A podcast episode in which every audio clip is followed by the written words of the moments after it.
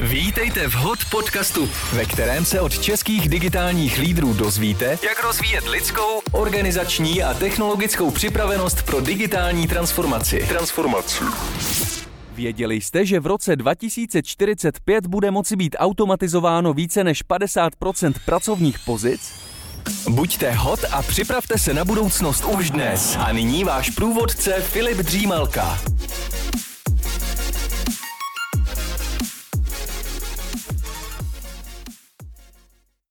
Dobrý den, zdravím posluchače. Dnes eh, v našem podcastu vítám velice speciálního hosta, a to Marcelu Suchánkovou, která je eh, v ČSOB odpovědná za oblast eh, IT a Operations. Vítejte, Marcelo. Dobrý den. Marcelo, vy jste jedna z mála žen v představenstvech velkých eh, českých firm nebo bank. Mě by zajímalo, jak jste eh, se dostala do, do té role, ve které jste dneska, jaký byl váš životní příběh. Je to další cesta a asi jsem byla ve správný čas na správném místě a měla jsem štěstí. Měla jsem štěstí hlavně na lidi, s kterými jsem se setkávala a možná jsem měla i tu odvahu jít do věcí, které mi nabízely. Možná spíš drzost, teda než Eh, než, než odvahu. No a abych to, eh, když bych měla svůj příběh říct chronologicky, tak já jsem po škole začala pracovat v malé PR agentuře, ta se jmenovala Ewing Public Relations, kterou tady, to byl rok 93, 94, a tu firmu založila mladá američanka, tý bylo taky něco přes 20, ještě určitě nebylo 30, Melinda Ewing, která přijela do Česka, neznala prostředí, neznala jazyk, ale vlastně velmi odvážně do toho šla a uh, já jsem tam začala pracovat a vlastně pro mě to byla taky velká škola, protože my jsme uh, organizovali akce a Melinda se opravdu jako nebála uh, jakýchkoliv klientů, nebála se jít do jakýchkoliv akcí. Vždycky jsme šli potom, aby jsme měli nejlepší prostory, aby jsme měli nejlepší catering a tak, takže, takže to bylo velmi zajímavá zkušenost. No, tím jsem začala. A vlastně jedním z klientů, který já jsem přivedla do Ewing Public Relations, tak byla Československá obchodní banka. A když jsem se po třech letech rozmýšlela, co dál, tak jsem dostala nabídku od Milana Tománka, s kterým jsme spolupracovali, abych šla dělat do komunikace. No, takže tak jsem se dostala před spoustou let, v roce 97, takže 22 let, tak jsem se dostala do banky a tam jsem doteď a tam jsem dělala taky spoustu, eh, spoustu zajímavých jobů. No. Eh, je to, eh, vy jste zmiňovala, že tam Linda byla američanka. Cítíte, že my jsme se tady v podcastu několikrát bavili na téma firemních kultur a že právě ta americká, že ten americký přístup je právě jako nebát se a zkoušet a často opravdu jako být jako mít sebevědomí na to, že zkouším i věci, které mi vlastně přesahují to, co dělám doteď? No jako určitě to bylo inspirativní, protože vlastně to bylo v době jako velmi brzo po revoluci, že já jsem začala studovat ještě za totality vlastně mm-hmm. v 89. naštěstí teda, takže vlastně mm-hmm. jako jsem se k tomu dostala v pravý čas, takže jsme zažili i revoluci a tohle to pro mě bylo fakt jako velmi zajímavá zkušenost, že mm-hmm. vlastně jde úplně všechno, když se chce. Což se tady v tom českém prostředí ve školách neučilo. Přesně tak, no. Eh, dobře, vy jste pak eh, v rámci eh, ČSOB prošla několika odděleními. Uh, uh, ať už je to právě komunikace, retail uh, nebo, nebo investice. Co vám dala práce v těch jednotlivých oddělení do toho, co, co vlastně děláte dnes? Jo, tak spoustu věcí, já to možná ještě popíšu, jo, mm. protože já jsem vlastně začínala v bance v komunikaci v době, kdy procházela privatizací. A takže i to uh, bylo zajímavé dostat se uh, do, těch, uh, do těchto týmů. A potom, když nás koupila naše mateřská belgická společnost KBC a přijeli první expati, tak jsem se právě velmi rychle dostala k tomu, že jsme začali budovat ten retailový biznis. Mm-hmm. Protože ČSOB byla původně banka zaměřená víc na firmy a Uh, můj tehdejší šéf, což byl Němec, tak vlastně mi řekl, a ty budeš mít na starosti projekt, který se jmenoval Retail Strategy and Positioning. Jaká jsem říká, já? a protože jsem nebyla ani původem bankéř, nevystudovala jsem bankovnictví, on mi říká, jo, jo, to dáš. A já možná už i tím, že jsem měla ten trénink od Melindy, tak jsem říkala, jo, to dám. Takže jsem se od, obklopila těmi správnými lidmi a začali jsme vlastně vymýšlet tu retailovou strategii a vymýšleli jsme první retailové produkty.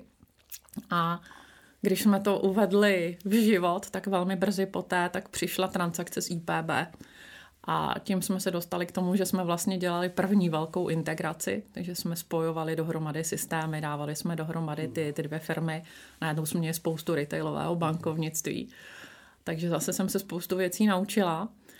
A no, potom jsem byla nějakou dobu, protože jsem potom otěhotněla, byla jsem na mateřský a začala jsem dělat na částečný úvazek, dělala jsem různý projekty přesahový přes celou eh, skupinu ČSOB, zároveň jsem studovala MBA, takže jsem si vyzkoušela hned flexibilitu v praxi.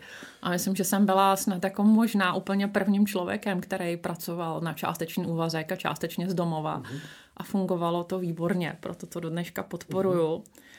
A e, no, měla jsem i tu e, vlastně potom možnost založit nový a i nový útvary, nový, mm-hmm. nový projekty, že jsem zakládala třeba direct marketing, zakládala jsem útvar, který se jmenoval tehdy orientace na klienta, kde jsme dělali segmentace, akvizice, retence, cross-sellový programy a tak.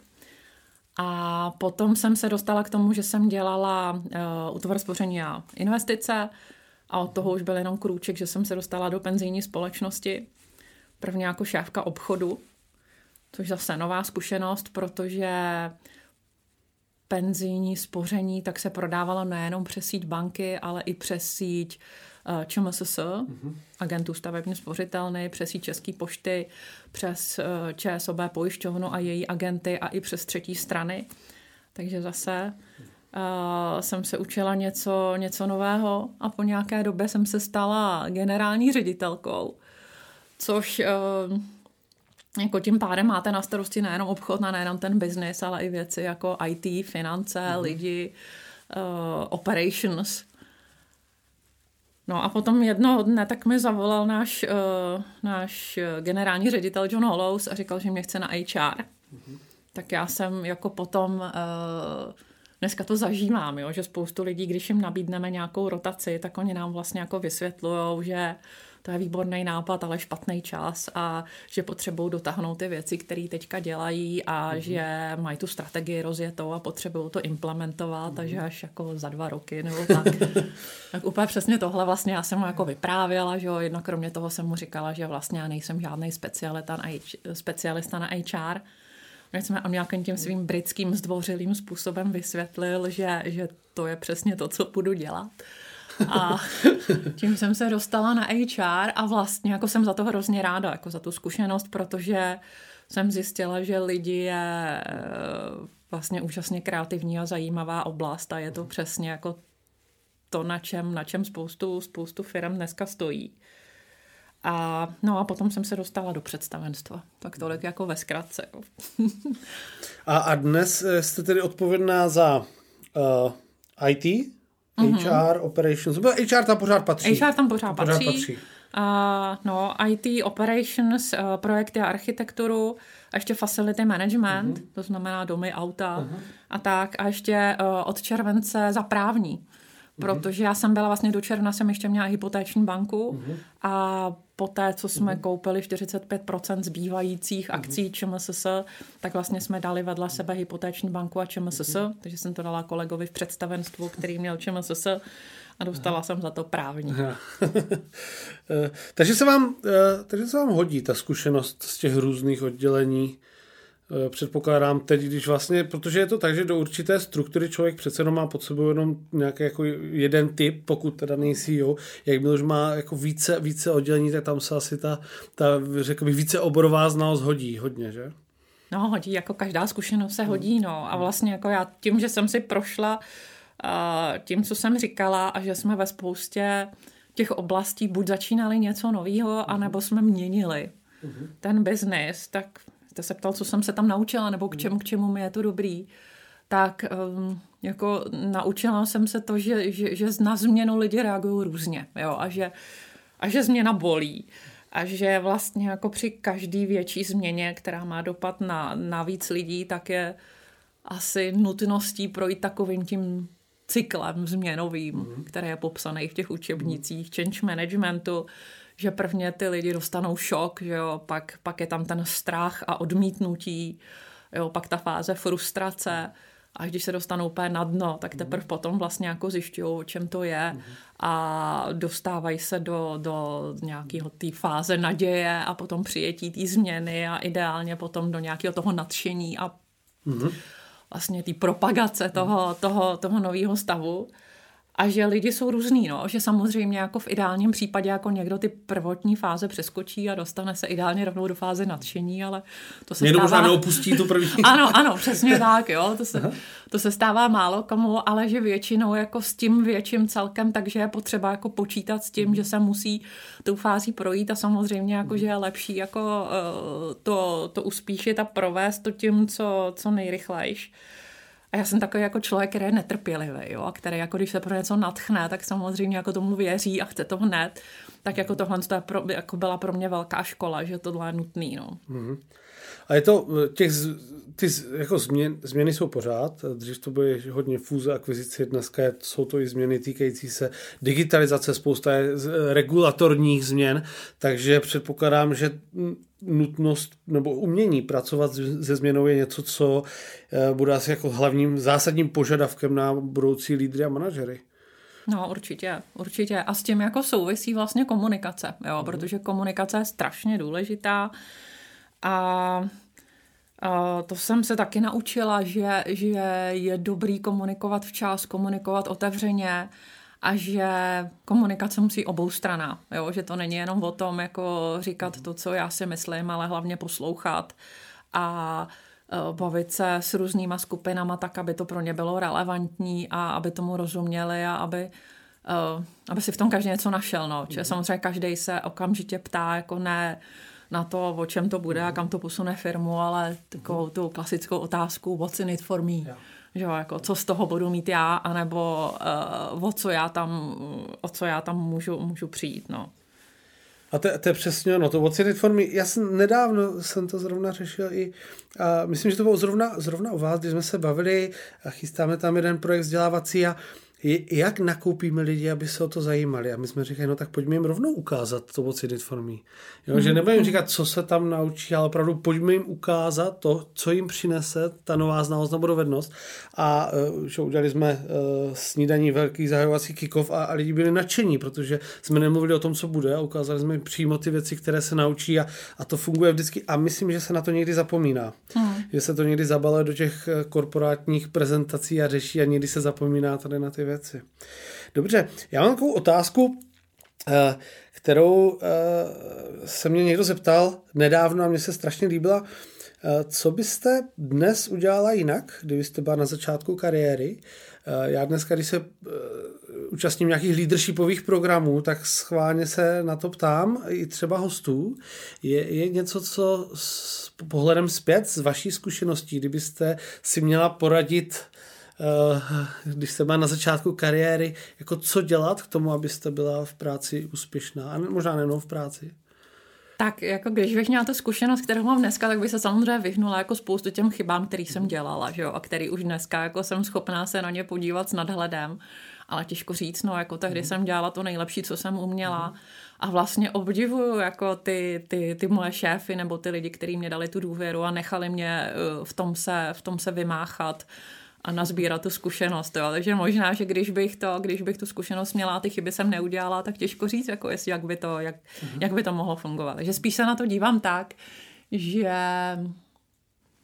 jako bez toho to nejde, jo? jako nejde to bez toho, zkoušet, když, když chcete zkoušet věci a dělat, eh, dělat něco nového, tak se prostě chyby, mm. chyby dělá, je důležitý je neopakovat a, a něco se z nich, z nich spíš naučit. Mm. Já na vás prozradím, že eh, teď nechci říct nějakou chybu, ale spíš to, že máte i odvahu o chybách mluvit, protože v z ČSOB děláme snídaně přešlapu a vy jste byla jedna z prvních, která, která, tam, která tam šla vlastně mluvit o, o svých přešlapech a já myslím, že zase to je téma, které se mění, že dříve byli manažeři vnímáni jako neumilní a neradí ukazovali svoje slabosti a dneska ta trošku snižování té averze k risku je asi žádoucí. No já jsem byla úplně první. Já jsem byla, na tý... úplně první. No já jsem byla úplně první. Já jsem byla na té první snídaně a ještě k tomu jsem šla do toho úplně první. podpořila. No. Jo, jo, přesně. A vyšla, a vyšla příkladem. No. A je zajímavý, že vlastně my dneska, jako když Če ono už tím jako od té doby prošlo, prošlo víc mm. lidí, že jo, je to přesně jako, že top manažeři mm. mluví, mluví o svých chybách. Mm. A je zajímavý, že ale pořád máme ještě ve firmě lidi, kteří tam jsou desítky let a kteří nikdy žádnou chybu neudělali. Jo? Čili když se jich ptám, jestli do toho půjdou, tak mi říkají, ne, ne, ne, protože já nic takového nemám. Přesně, jo? Takže yeah. já jsem byla spíš v té situaci, že jsem uh, neřešila uh, jestli, ale spíš jako jakou tu chybu vybrat. Če samozřejmě, že jako člověk si to nazbírá no, cestou. Mm-hmm. Dobře. Jedno z témat hlavních, o kterých se tady bavíme, je digitalizace a vůbec digitální transformace. Já ještě k tomu přidám lidé a, a digitalizace, protože nejenom, že si myslím, že to už se souvisí, ale vím, že vy máte i strategii, která přímo obě tady ty roviny, řekl bych, má Eh, má v sobě. Takže jak vy přistupujete k tématu digitalizace a možná i, i lidí, jak vy vidíte budoucnost těch dvou témat? Jo, tak eh, vy jste to zmínil, že naše retailová strategie se jmenuje digitálně a s lidmi. Mm-hmm. A takže odráží vlastně ten svět, odráží chování, chování našich našich klientů a je to vlastně dneska už jako automatická nezbytnost, aby jsme měli všechny věci, které v tom bankovním a pojišťovacím světě jsou, tak aby si mhm. klienti mohli vybrat, jestli je budou dělat přes mobil nebo přes počítač nebo přes call centrum nebo jestli půjdou do banky. Jo, já to vidím na svých, na svých dětech. Jo, že moje dcera teďka nedávno řešila, že si potřebovala, čem já zjistila, že má nulový limit na platby na internetu a potřebovala si ho navýšit. A přesně jak jako když byla schopná to udělat na mobilu, tak to bylo fajn a bylo to, bylo to pro ní jako naprosto jednoduchý a intuitivní. Když by měla volat na call centrum, tak už jako by to pro ní byla docela bariéra, bavit se s někým po telefonu cizím. A když by měla být na pobočku, tak to už by fakt jako pro ní bylo těžký. A samozřejmě, jako, že ona je ten zástupce té mladé generace, ale máme pořád ještě klienty, kteří zase jako naopak jako na tu pobočku chtějí chodit, takže ty lidi tam jsou, tam jsou, tam jsou pořád důležitý. No ale a jinak samozřejmě jako musíme to, musíme v dnešní době využívat veškeré technologie, které jsou k dispozici a mm-hmm. na tom děláme. Já myslím, že a to je dobrá poznámka, že občas uh, nás děti inspirují, uh, zvláště v oblasti technologií, ale nezapomínat na to, že to není jenom o těch takzvaných mileniálech a, a mladých, ale že pořád je tady a, a navíc, že populace stárne a i když se bude rozvíjet jejich digitální gramotnost, tak pořád tady bude velká skupina lidí, kteří, um, kteří budou chtít přijít nebo budou chtít zavolat naživo, protože budou chtít a maj, budou mít větší důvěru. Um, a když se budeme bavit, to je tedy uh, retailová strategie a Eh, co, jaká je pak vaše strategie, co se týče přímo jako vlastního fungování a, a rozvoje lidí? To znamená, můžete třeba zmínit nějaké, nějaké projekty nebo iniciativy, který, kterými se zabýváte v ČSOB? Mm, tak určitě. Tak uh, jednak my jsme ještě, myslím, před dvěma lety, tak jsme měli většinu školení a tréninků, tak jsme měli takzvaně offline, že jsme měli nějaký ty prezenční kurzy, a jenom myslím, jako takový ty povinný školení a jenom pár toho bylo, bylo online. Byly to fakt jako spíš jednotky procent. A dneska už je to 50 na 50. Jo, takže dneska vlastně už máme uh, spoustu, spoustu školení, máme, máme krátká videa, vy to víte, že jo, protože spolupracujeme i s vámi a s DigiSkills. Uh, máme e-knihy, máme spoustu, když už máme uh, nějaké inspirativní přednášky třeba, tak to zároveň streamujeme, aby se na to mohli lidi dívat z domova nebo v regionech, anebo kdykoliv i potom zpětně. A samozřejmě ale doplňujeme to pořád ještě a, i tím osobním školením je taky důležitý. Jako je to důležitý hlavně ani ne proto, že tam sedím a dívám se na někoho chytrýho, kdo tam, kdo tam něco říká, ale a já to mám i z osobní zkušenosti, že velký přínos těch osobních školení je v networkingu, v tom mhm. sdílení zkušeností, že tam sejdou lidi, kteří jsou ze stejné firmy nebo ze stejného biznesu a spoustu věcí už vyzkoušeli a můžou si vlastně mhm. vzájemně něco sdílet a inspirovat se a dá se od nich něco okopírovat, co už třeba existuje. Mhm. Jo, takže, takže rozjíždíme, rozjíždíme obojí a já jako vlastně věřím tomu, že člověk se učí pořád. Jo? A jednak zase i z osobní zkušenosti, tak si myslím, že spoustu se toho člověk naučí tím, že něco dělá. Mm-hmm. Takže podporujeme rotace a podporujeme i to, aby lidi si mohli vyzkoušet různý uh, různé oblasti a různé práce a že člověk z biznesu může i klidně dělat do risku a naopak. A uh, teďka existuje pojem kontinuální vzdělávání. Že? Já jsem slyšela, teďka mi jedna kolegyně říkala, že se tomu říká od plenek do plenek. Což mi teda předrsní hlavně ta druhá část, jako, ale v zásadě je to pravda, jo, že se musíme vzdělávat pořád. A no, takže máme, máme spoustu programů, máme například Forwardino, kdy naši lidé vzdělávají naše lidi, takže například lidi od nás IT, mm-hmm. tak školí lidi z biznesu nebo z dalších oblastí banky na digitální dovednosti. Pro manažery máme svět lídrů, kde máme ambice vlastně tím protáhnout všechny manažery ve skupině. A tam je to založen právě na tom, že tam podporujeme ty témata, jako je flexibilita, agilita, digitalizace, nové technologie, change management. Jo, a jsou to namíchané skupiny. Jsou to namíchané skupiny z různých částí banky, z různých hierarchií, zase staří, mladí, zkušení, noví, aby se od sebe navzájem inspirovali a tak. Mm-hmm. Já, jsem, já se účastním toho světa lídru a strašně se mi líbí, že to je namícháno i právě z, z jednotlivých jako dceřinek a sesterských firm.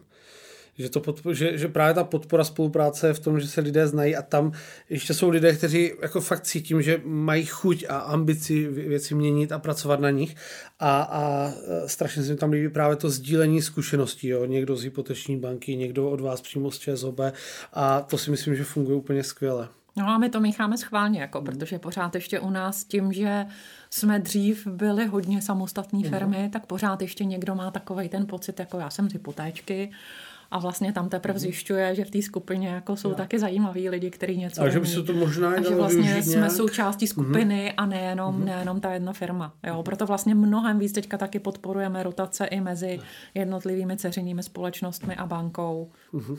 Je o to zájem ze strany lidí o, o rotace? No, to je, to je zajímavá otázka, no. Jako, uh, jsou různý typy lidí. Jo? Jsou, uh, jsou lidi, kteří, kteří mají jako samozřejmě nějaký přirozený zájem zkoušet, zkoušet nové věci. A potom jsou lidi, kteří mají spoustu předsudků. Jo, že já třeba si pamatuju, že jedna kolegyně, která, moje bývalá kolegyně ze segmentu, a když jsem mi říkala, když jsem jí nabízela pozici, aby šla dělat do risku, tak vlastně jí to přišla taková jako podřadná role, jo, a říkala, no to ne, že já z toho biznesu nemůžu jít do risku. Mm-hmm. A dneska tam je, ona se nechala přesvědčit a já jsem s ní pak mluvila po nějaký době a ona říká, to, ale já jsem vlastně hrozně ráda, mm-hmm. že jsem odešla z té bubliny, kde jsem si myslela, že jako jenom my jsme ten centrum světa a že vlastně ten zbytek té mm-hmm. banky tak je úplně o ničem. A já jsem teďka jako zjistila, že vlastně jako uh, všude je něco, jo, a že mm-hmm. taky zase jako má úplně jiný vliv a jiný, jiný pohled na věc. Takže, takže předsudky tam jsou, no a samozřejmě spoustu lidí má to, co já jsem měla taky, že Eh, jim přijde nevhodná doba na rotaci. Už jenom z toho důvodu, že mají dobrý tým, mají něco rozjetého, co chtějí, co chtějí dodělat. Ale ono vlastně jako v dnešní době jako nikdy člověk není hotový. Mm, jo, že by si mohl říct, jako já prvně něco dodělám a teprve potom se začnu rozhlížet. Takže ono je taky dobrý jako chytit za pače si tu příležitost, když nějaká je a nebát se toho a nebát se toho, že to někdo jiný, kdo přijde po mně, bude dělat hůř než já a vyzkoušet nové hmm. věci. No. Takže že by jako lidi o to měli zájem, Myslím si, že se to zlepšuje, hmm. že, ty, že, že rotací je víc a víc. My teďka i mnohem, jako opravdu se nám výrazně zvýšily o desítky procent počty interních rotací. Mm-hmm. Že samozřejmě v dnešní době najít uh, nový lidi na trhu není úplně jednoduchý a proto se snažíme vlastně ty lidi mm-hmm. motivovat k tomu, aby zůstali ve skupině. A ta naše skupina je fakt velká a příležitostí je tam spoustu. Mm-hmm. Mm, ono to může být zajímavé právě třeba pro ty mladší, protože ta, ta křivka učení se, si myslím, že se taky zkracuje a to, kde člověk předtím musel být pět let, aby z té práci nějak vyniknul, tak dneska už možná ta, ten čas se zkracuje, takže to může být zajímavější, že nemusí čekat na, na svého manažera, až se dostanou a jeho manažera, ale můžou vlastně opravdu tu, tu horizontální změnu udělat. Máte nějaké rotace povinné, nebo ne? Protože já jsem neměl hosta eh, ze Škodovky a tam v určitém období člověk musí a musí třeba rotovat do Číny nebo, nebo do Indie, což je náročnější. Máte něco i takového, nebo to necháváte Nemáme. čistě na lidech? Nemáme, nenecháváme to čistě úplně na lidech, máme to tak, jako že máme doporučený čas, uh-huh. ale zase na druhou stranu, jako máme lidi, kteří jsou na uh, pozici fakt jako třeba desítky let a ono jako je dobrá ta diverzita. Je vždycky jako mm. dobrý mít ten tým namíchaný z lidí, který tam eh, jsou dlouho a mají i tu historickou mm. zkušenost a naopak. Takže uh, nemáme to povinně. Jo, ale taky jsme přesně jako taky jsem Uh, taky jsme se dívali na firmy, které to tak mají a většinou to jsou firmy, které mají stejnou pozici, dejme tomu po světě. Jo? Že mají spoustu poboček po světě, mají spoustu regionů a rotují je, dejme tomu po třech mm-hmm. nebo po čtyřech letech uh, v rámci stejných pozic v různých mm-hmm. regionech. A my jsme víc pestřejší, takže povinně to nemáme, ale doporučujeme to. Mm-hmm.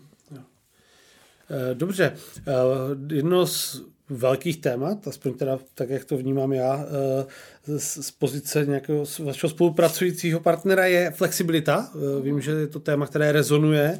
Eh, mohla byste něco říct o vašem přístupu k flexibilitě? Tak já flexibilitu podporuju osobně a hlavně i to vidíme vlastně z průzkumu, jo, že to, co dneska lidi přitáhne, přitáhne do firmy a zvlášť ty mladší generace, tak je flexibilita. Mm-hmm. A slyšíme to i na interviews, když nabíráme lidi, že lidi se o to zajímají.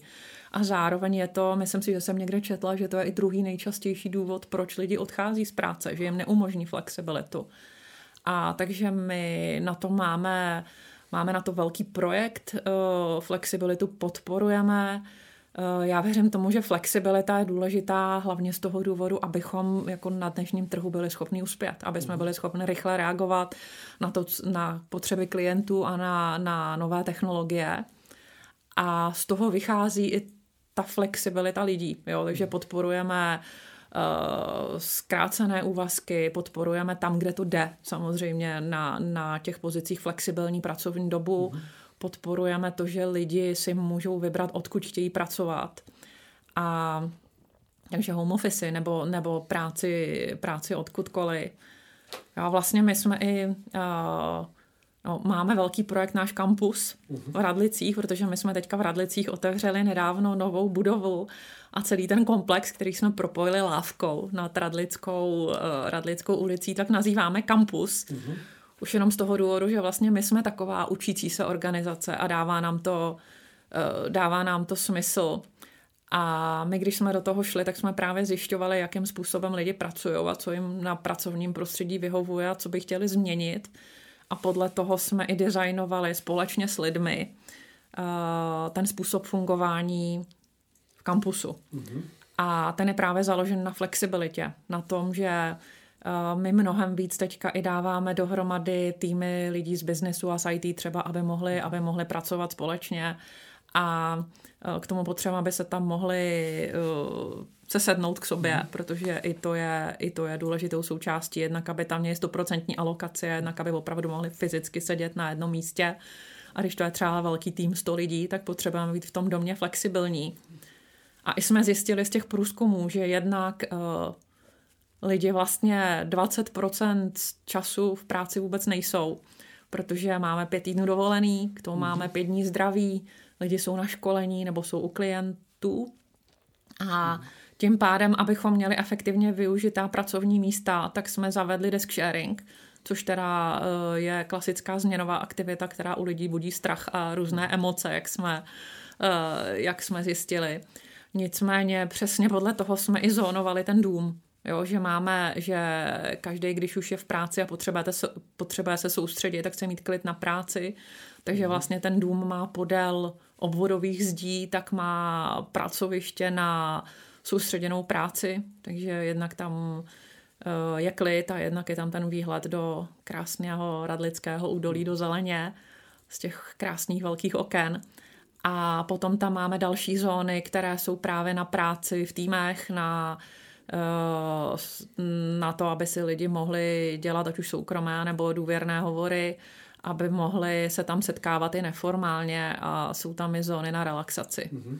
Jo, a taky tam jsou další, dal, další věci, což zase jako není nic nového, protože to už tam máme v tom stávajícím domě nějakých 12 let, eh, právě aby si lidi mohli líp sladit osobní a rodinný život. Takže tam máme poštu, máme tam doktora, zupaře, máme tam kosmetiku a masáže, Praní košil jsem tam Praní dělal. košil, přesně tak. Teďka rohlík si tam můžeme vyzvednout nákup. Jo, že tam máte takovou tu, jo. No, jo, no, no, přesně. Box Máme tam, na ano, Mhm. čistírnu, můžeme tam chodit cvičit, takže já tam chodím teďka do práce na jogu. No, takže flexibilita je to. Flexibilita je velký téma, podporujeme to, podporujem to hodně. Perfektní. Um, souvisí s tím i eh, ta vaše iniciativa, která proběhla tuším letos na loňské noci, a to je změna, uh, změna dress codu. Vy jste i nechali lidi, ať hlasují, jak, by se mělo chodit do banky oblečení, je to tak? No, je to tak. Je to taky jako spolu s tou filozofií flexibility, že je, trošku je, určitě, určitě. A je, to, a je to přesně o tom, jako jak se mění ty klienti, jak se mění ty naši lidi a že chceme, aby se, aby se v té práci cítili dobře. A mě to vlastně samotnou překvapilo, jaký to byl zájem. Jo, že my, když jsme přesně měli ty, ty průzkumy na to, jak vlastně lidi chtějí chodit oblíkaní a jak se na to tváří, tak to byly jako velmi uh, úspěšné a navštěvované akce. A my jsme ten dress code, jako, my jsme ho nějak jako dramaticky nezměnili, ale my jsme ho zvolnili. Uh-huh. Takže dneska, když přijete a vy to vidíte, že jo, když chodíte k nám, uh-huh. Ať už uh, do Radlic, do baráku nebo i na pobočky. Takže vlastně hlavní princip toho našeho dress codu je, že bychom se měli oblíkat adekvátně té situaci. Jo, to znamená, že když mám schůzku s klientem, který chodí, který si zakládá na tom, že to je nějaký finanční ředitel velké firmy a chodí v obleku, tak jdu v obleku. Nicméně, když jdu do práce a nemám schůzku s žádným takovýmhle klientem, mm-hmm. tak uh, můžu přijít klidně v džínách a v tričku a je to mm-hmm. úplně v pohodě. Mm-hmm. To je, to, je to o důvěře. Důvěře v to, že člověk by měl vědět, jak se adekvátně oblíkat v dané situaci a méně pravidel, který, který jsou čistě procesní. Já si pamatuju, jak se představovala nějaká ta část toho, toho, programu a vím, že tehdy já jsem tam neměl kravatu a byl tam John Hollows vedle a ten nechal hlasovat ty lidi, co tam stáli, jestli si ji má taky sundat. Oni hlasují, on si ji teda sundal. tak to bylo takové jako hezký. A, ale myslím si, že to je že to, to není úplně standardní, ale sice je to drobnost, ale podle mě to strašně ovlivní, jak se pak člověk v té práci cítí. Že se opravdu jako vidí kolem sebe, že už jako kravatu už jako málo kdy se nosí všude a perfektní. Jo, a důvěra a respekt, tak to je jedním z našich mm. jako hlavních hodnot mm. a z našich, z našich mm. principů a na tom je vlastně vztah k našim lidem založený, no. no když se budeme bavit o lidech, tak je, je, je, kromě toho, že jich není uh, moc dostupných na trhu, jak, jaké vy vidíte největší výzvy uh, k to, k to, v oblasti vedení rozvoji lidí nebo vůbec tomu, abyste uh, vlastně pracovali s těmi nejlepšími lidmi na trhu? Tak jednak my máme, my máme naši takzvanou people strategii, která, která je založená na tom, že ČSOB je prostor pro úspěšné lidi. A jedním z pilířů naší people strategie tak je už zmiňovaná flexibilita. A to, co si myslím, že ta výzva, tak je právě to, co už jsme taky o tom mluvili, a to je ten digitální mindset. Jo, aby vlastně jsme v lidech podporovali to, že technologie je něco, co nám, co nám pomáhá a Uh, není třeba, není třeba se, se toho bát. Mm-hmm. Jo, jak jsem říkala, já mám na starosti operations a já mám úplně úžasnou šéfku operations. Uh, to je Denisa Parkosová a ta dokázala to, že v tom týmu, ona má v týmu nějakých, já teďka nevím přesně, 700-800 lidí a Uh, oni tam zpracovávají že, úkoly. Já myslím, že tam zpracovávají nějakých 127 tisíc úkolů denně. Jo? Takže obrovské množství. A ona je úžasná v tom, že ona v tomhle tom svém uh, útvaru a se svým manažerským týmem samozřejmě, nebo nejenom s manažerským, se svýma lidma, mm. tak opravdu vybudovala takovou atmosféru, že ty lidi tam sami hledají způsoby, jak tu práci, kterou dělají, převíst, ať už automatizovat, zrobotizovat, nebo převíst na nějakou další technologii a že mm. oni ví, že jsou úspěšní díky tomu, že tohle dělají. Jo, a zároveň to není jednoduchý téma, protože operations, když se bavíme o snižování počtu lidí, tak to je většinou ten útvar, kde kde, ty, kde ty lidi snižujeme. Jo, a což samozřejmě jako je velmi takový těžký téma. A Denisa je přesně ten člověk, který je schopný o tom velmi otevřeně s těma lidma mluvit, takže oni to ví.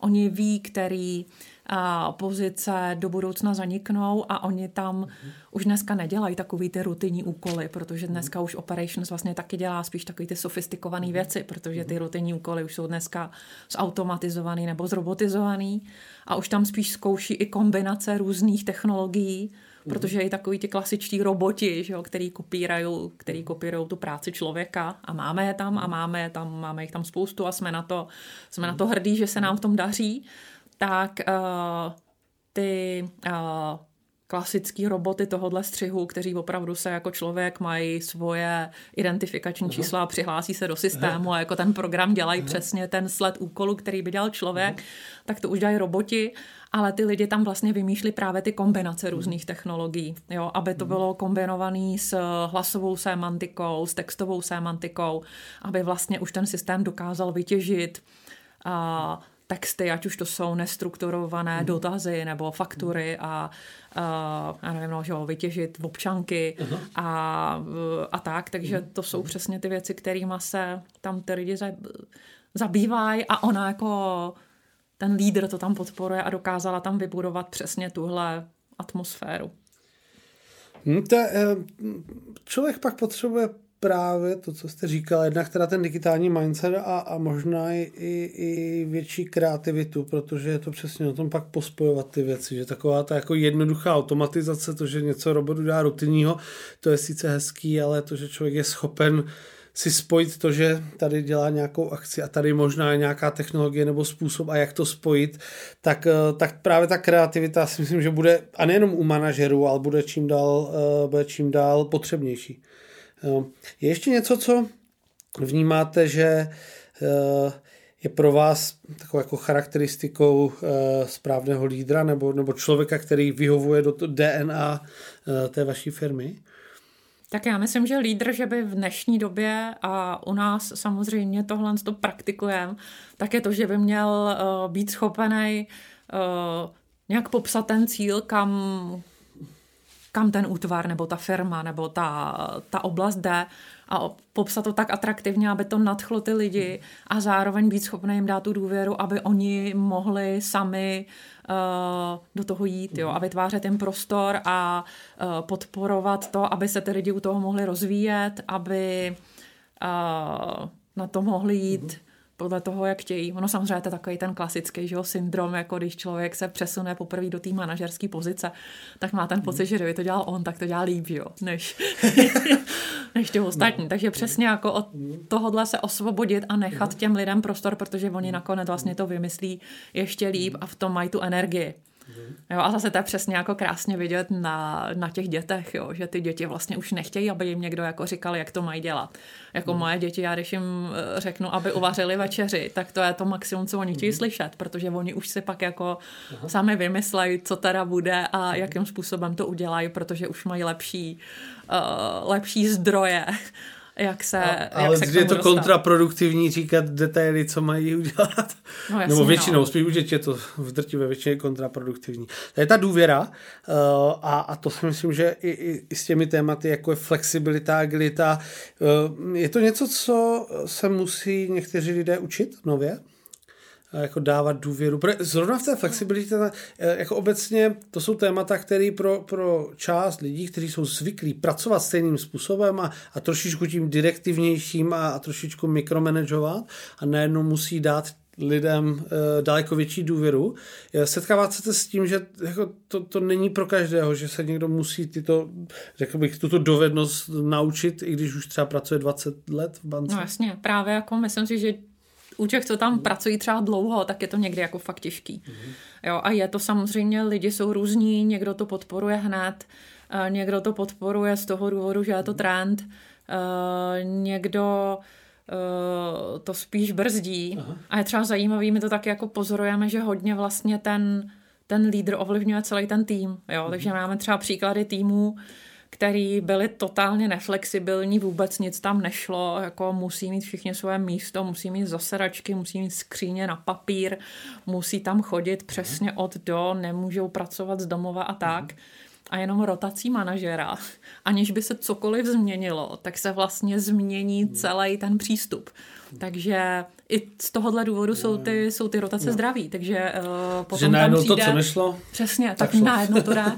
jo, jako já jsem vlastně i si to taky a a tak je jako dobrý jako k tomu přistupovat jako citlivě, no, mm-hmm. protože já jsem do toho dřív skákala hodně po hlavě. Jak jsem říkala, to moje historie, to jo. Tak já, když jsem přišla do penzijní společnosti, tak jsem tam přišla a tam v tom našem domě, který vy znáte, že jo, který je jaký otevřený, tak tam byla vybudovaná zeď, že si opravdu v tom prostoru nechali udělat zeď mezi obchodem a provozem. Takže tam byla fyzická zeď, protože oni se spolu nebavili a neměli se rádi. A finance ty seděly úplně jako bokem. Takže až jsem tam přišla, když jsem tohle to viděla, když jsem potom jako mohla, tak jako první, co bylo, tak jsme nechali zbourat zeď, že jo, spojili jsme tyhle ty, propojili jsme ty útvary. Já jsem se vzdala svý kanceláře, tu jsme udělali zaseračku a sedli jsme si s celým představenstvem jako přímo do toho rohu mhm. mezi obchod a provoz a přisadili jsme tam i ty finance. A pro některé lidi to samozřejmě mm. jako nebylo jednoduchý. Jo. Mm. A potom, když jsem přišla do HR a přišla za mnou šéfka Facility Management a ptala se mi, hele, nechceš s tvojima lidma zkusit jít do flexibilního způsobu práce, my vám sebereme nějaký stoly, to znamená, že už nebudete mít jako každý svůj stůl, ale zase vám tam přesně, no, ale zase vám tam dáme nějaký jako zajímavý, uh, zajímavý místa, projektový stoly a budeme tam na vás zkoušet nějaký věci, uh, co bychom potom chtěli rozšířit do celé firmy.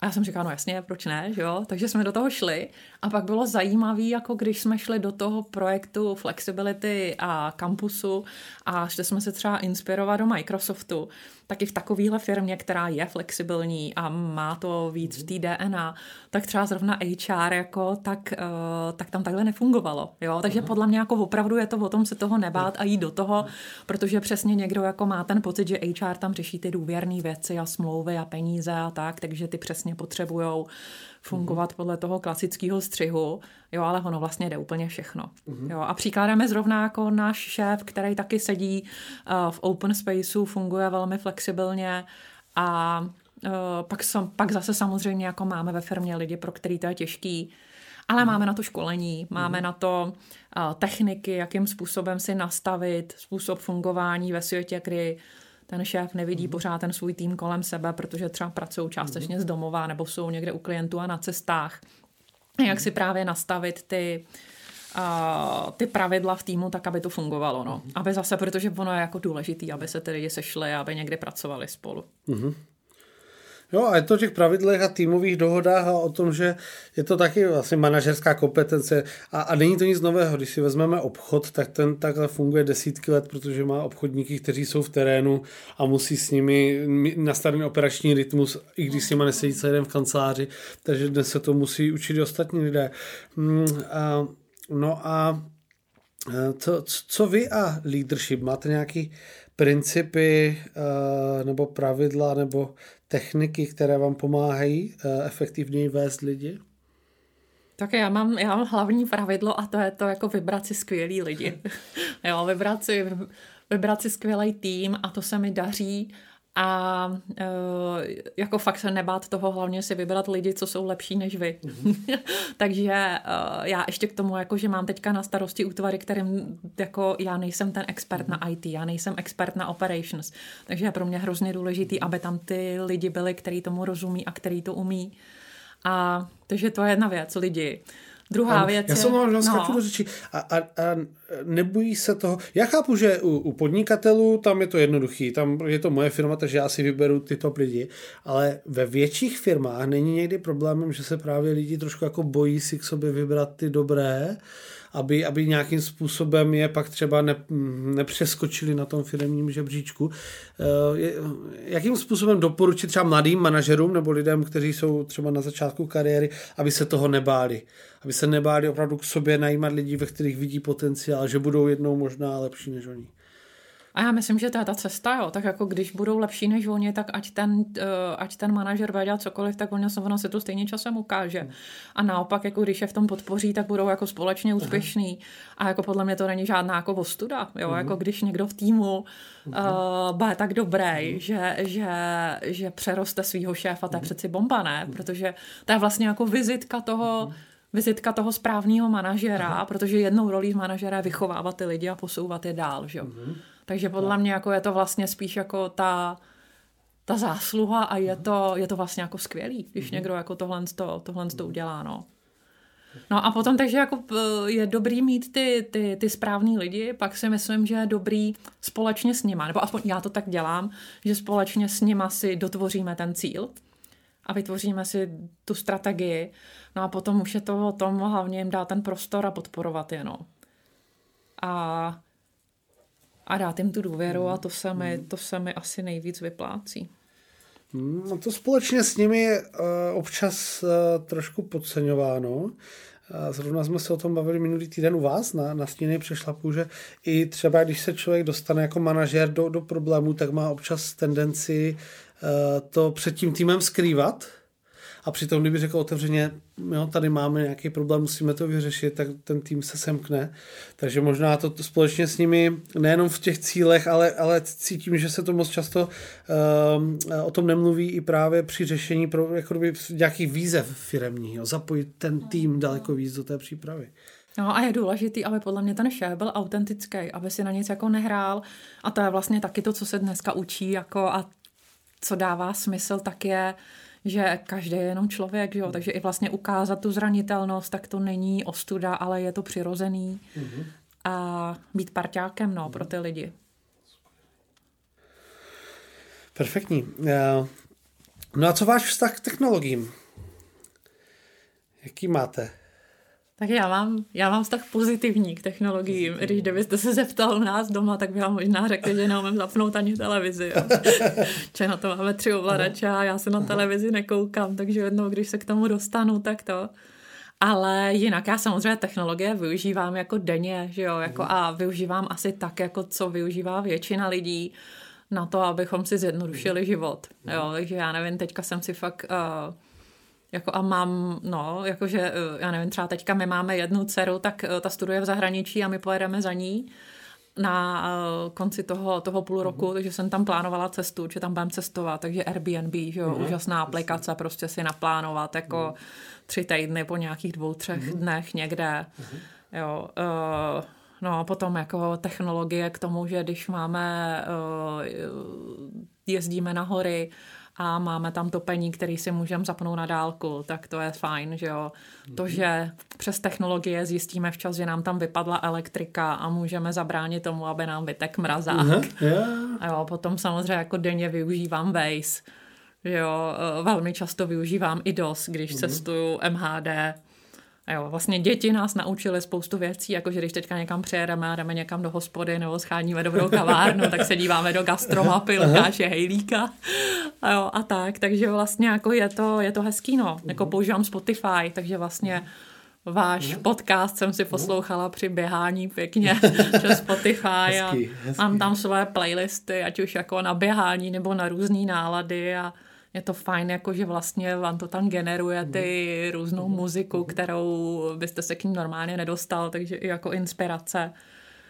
A tak, no. Cítíte, že, cítíte třeba na sobě, že když máte zkušenost tady s těmi aplikacemi, které jsou opravdu jako velice kvalitní a jsou jednoduché a jsou pěkné na používání a, a zároveň zjednodušují život, cítíte, že to i trošku ovlivňuje přístup lidí v bance, a nejenom v bance, ve firmě na to, jaký se vytvářejí aplikace uvnitř té dané firmy? Jo, že, že, že vlastně najednou máte srovnání takže když třeba používáte nějakou vaši novou službu, tak jestli jako cítíte to, že byste si někdy říkali, jo, tady to možná mohlo být trošku třeba jednodušší, tak jak v tom Spotify. Mm-hmm. Jo, cítíte, že, že to funguje takto? No jasně, jako my máme vlastně a proto uh, proto i my teďka jdeme do, uh, do metody SAFE, mm-hmm. jo, uh, protože uh, Někdy máme některé systémy příliš komplikovaný. A tím, jak nám něco dlouho trvá a vyjadřuje se k tomu příliš mnoho lidí, tak každý si tam přidá k tomu nějakou kudrlinku. A vlastně systém, který by mohl být jednoduchý, tak vlastně jako tam má spoustu funkcionalit, které tam možná nejsou potřeba a není to tak úplně intuitivní a úplně nejhorší, když je k tomu potřeba návod. Že? Jako je ideální, když to jako to, tak to dneska funguje, že to vezmete do ruky a ono vlastně jako by se v tom naprosto intuitivně orientujete. Takže právě proto jdeme do safeu, Scaled Agile Framework, a což je metoda, kterou uh, už používá naše mateřská KBC a kterou my teďka chceme uh, začít postupně využívat ve firmě. Teďka do toho jdeme v retailových digitálních kanálech například. Mm. A je to přesně o tom, že se sadíme lidi z biznesu a IT dohromady, což teda taky není nic nového. My samozřejmě mm. máme už uh, business IT, mm. DevOpsy. A uh, tohle je vlastně uh, přesně způsob, kdy chceme jednak tím docílit to, abychom zkrátili čas, kdy se dostaneme od nápadu ke klientovi, aby nám to netrvalo jako dneska u některých klasických projektů roka půl, abychom uh, měli výsledek fakt jako v horizontu tří měsíců, možná v rámci 14 mm-hmm. denních sprintů, abychom to mohli testovat a zároveň, aby jsme opravdu dělali to, co ti klienti potřebují, aby jsme měli vyzkoušen, že to pro ně je jednoduchý a že to dokážu intuitivně využívat a že tam jsou ty věci, které jim zjednodušují život. Jo, že mně se třeba líbí, líbí příklad, nám teďka jeden kolega ukazoval, a naše korporátní elektronické bankovnictví na mobilu, kde máme třeba funkcionalitu, protože zjistili, že podnikatelé, když si skenují fakturu, tak si třeba někdy nepamatujou, jestli už ji platili nebo neplatili. Takže ono to automaticky projede a ukáže, jim platil to nebo neplatil a platil to tehdy a za tuhle částku. Aha. Jo, takže vlastně, abychom tam do toho dostali přesně tyhle věci, aby ta vzdálenost mezi klientem a tím programátorem, který programuje ten software, který pak klient využívá, byla velmi krátká, aby byly velmi blízko u sebe a aby jsme byli schopni to rychle dodávat na trh.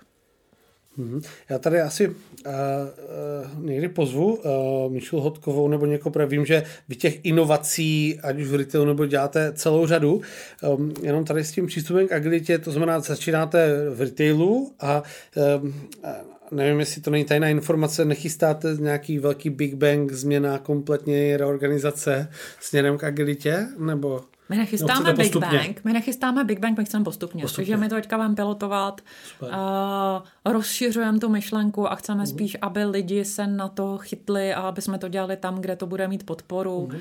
a uh, ne všude plošně najednou. Uh-huh. Yeah. To dává smysl, samozřejmě uh, zkušenosti jsou z, ať už z těch velkých Big Bang projektů, tak z postupných, ale ty Big Bang někdy bolí, bolí hodně. Dobře, uh, poslední otázka, uh, tradiční. Máte tým na nějakou zajímavou knihu nebo, nebo cokoliv dalšího, může to být představení divadelní, může to být nějaké video, co jste viděla, něco, co by mohlo posluchače inspirovat?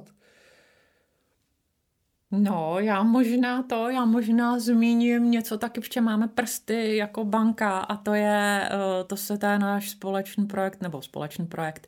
My podporujeme Rejvické divadlo, takže bych pozvala do Rejvického divadla, kde jsou zajímavé představení. Já jsem tam naposled viděla třeba Elegance molekuly, což je uh, o vlastně nemoc známým českým chemikovi, Antonín Holý se jmenuje, mhm. který vlastně je spoluautorem léku mhm. na AIDS, takže představení na tohle téma. Uh-huh. No jsem tam viděla vraždu krále Gonzaga, neviděl jste to? Výborný, takže to taky, taky doporučuju, vlastně taky aktuální téma. No, pak bych to, pak bych doporučila projekt společný Davidského divadla Cirkula Putika, který taky my, my sponzorujeme. Takže to je vlastně spojení Cirkusu a Davidského divadla. Výborný představení Hany. A no, nebo, nebo třeba to co, to, co taky podporujeme, tak jsou běhy na zdraví, takže mm-hmm. Takže to, takže to bych taky doporučila. Teďka poběžíme vlastně rodina Aha. v Hradci Králové půlmaraton. Aha. No, můj muž ho poběží celé, jo, a my s dcerou na půl. Takže... Jo, jo, se přidáte a, na půlku. ano, a, no, jako přidáme, jako moje A vy dcera... sponzorujete uh, v okolo Priglu, náš brněnský. No, no, no, ano, ano, ten se běží loni. Ten se běžel loni, ten je výborný, to je krásný, jsem 14 kilometrů. Je no 13 něco, ne 14, 14, no, 14, no, já jsem že vlastně, 14,1 si pamatuju. Je to vlastně v, v, okolo Brněnské přehrady, jak praví název, a je to strašně oblíbený Brně, jak no. opravdu je to plný už několik let a vím, že i firmy běží, vím, že běží jako spousta našich klientů běží jako, že mají svůj firemní tým a že trénují i ve firmách. Aha a teď zrovna minulý týden mi říkal kamarád, že, že se konečně jako donutil, protože když trénoval sám, tak nikdy netrénoval tak dobře, když trénuje s lidma z firmy. No, my jsme to běželi, loni tohle my jsme běželi s rodinou i, i s naším psem. Jsme běželi okolo, okolo Príglu a s kolegy z představenstva, z představenstva jsme právě běželi loni štafetu, Aha. čtyři jsme běželi ten hradecký, uh, hradecký závod, no, takže to, to bylo fajn. Jo, a to se člověk samozřejmě hecne, no, to je to je jasný. I když já jsem teda nejpomalejší obvykle i v rodině, i, i v rámci té pracovní štafety, nejde, ale jde spíš o ten zážitek. No. Perfektní. Marco, děkuji moc, že jste si na nás udělala čas a budu se těšit eh, zase někdy na viděnou. Tak jo, díky.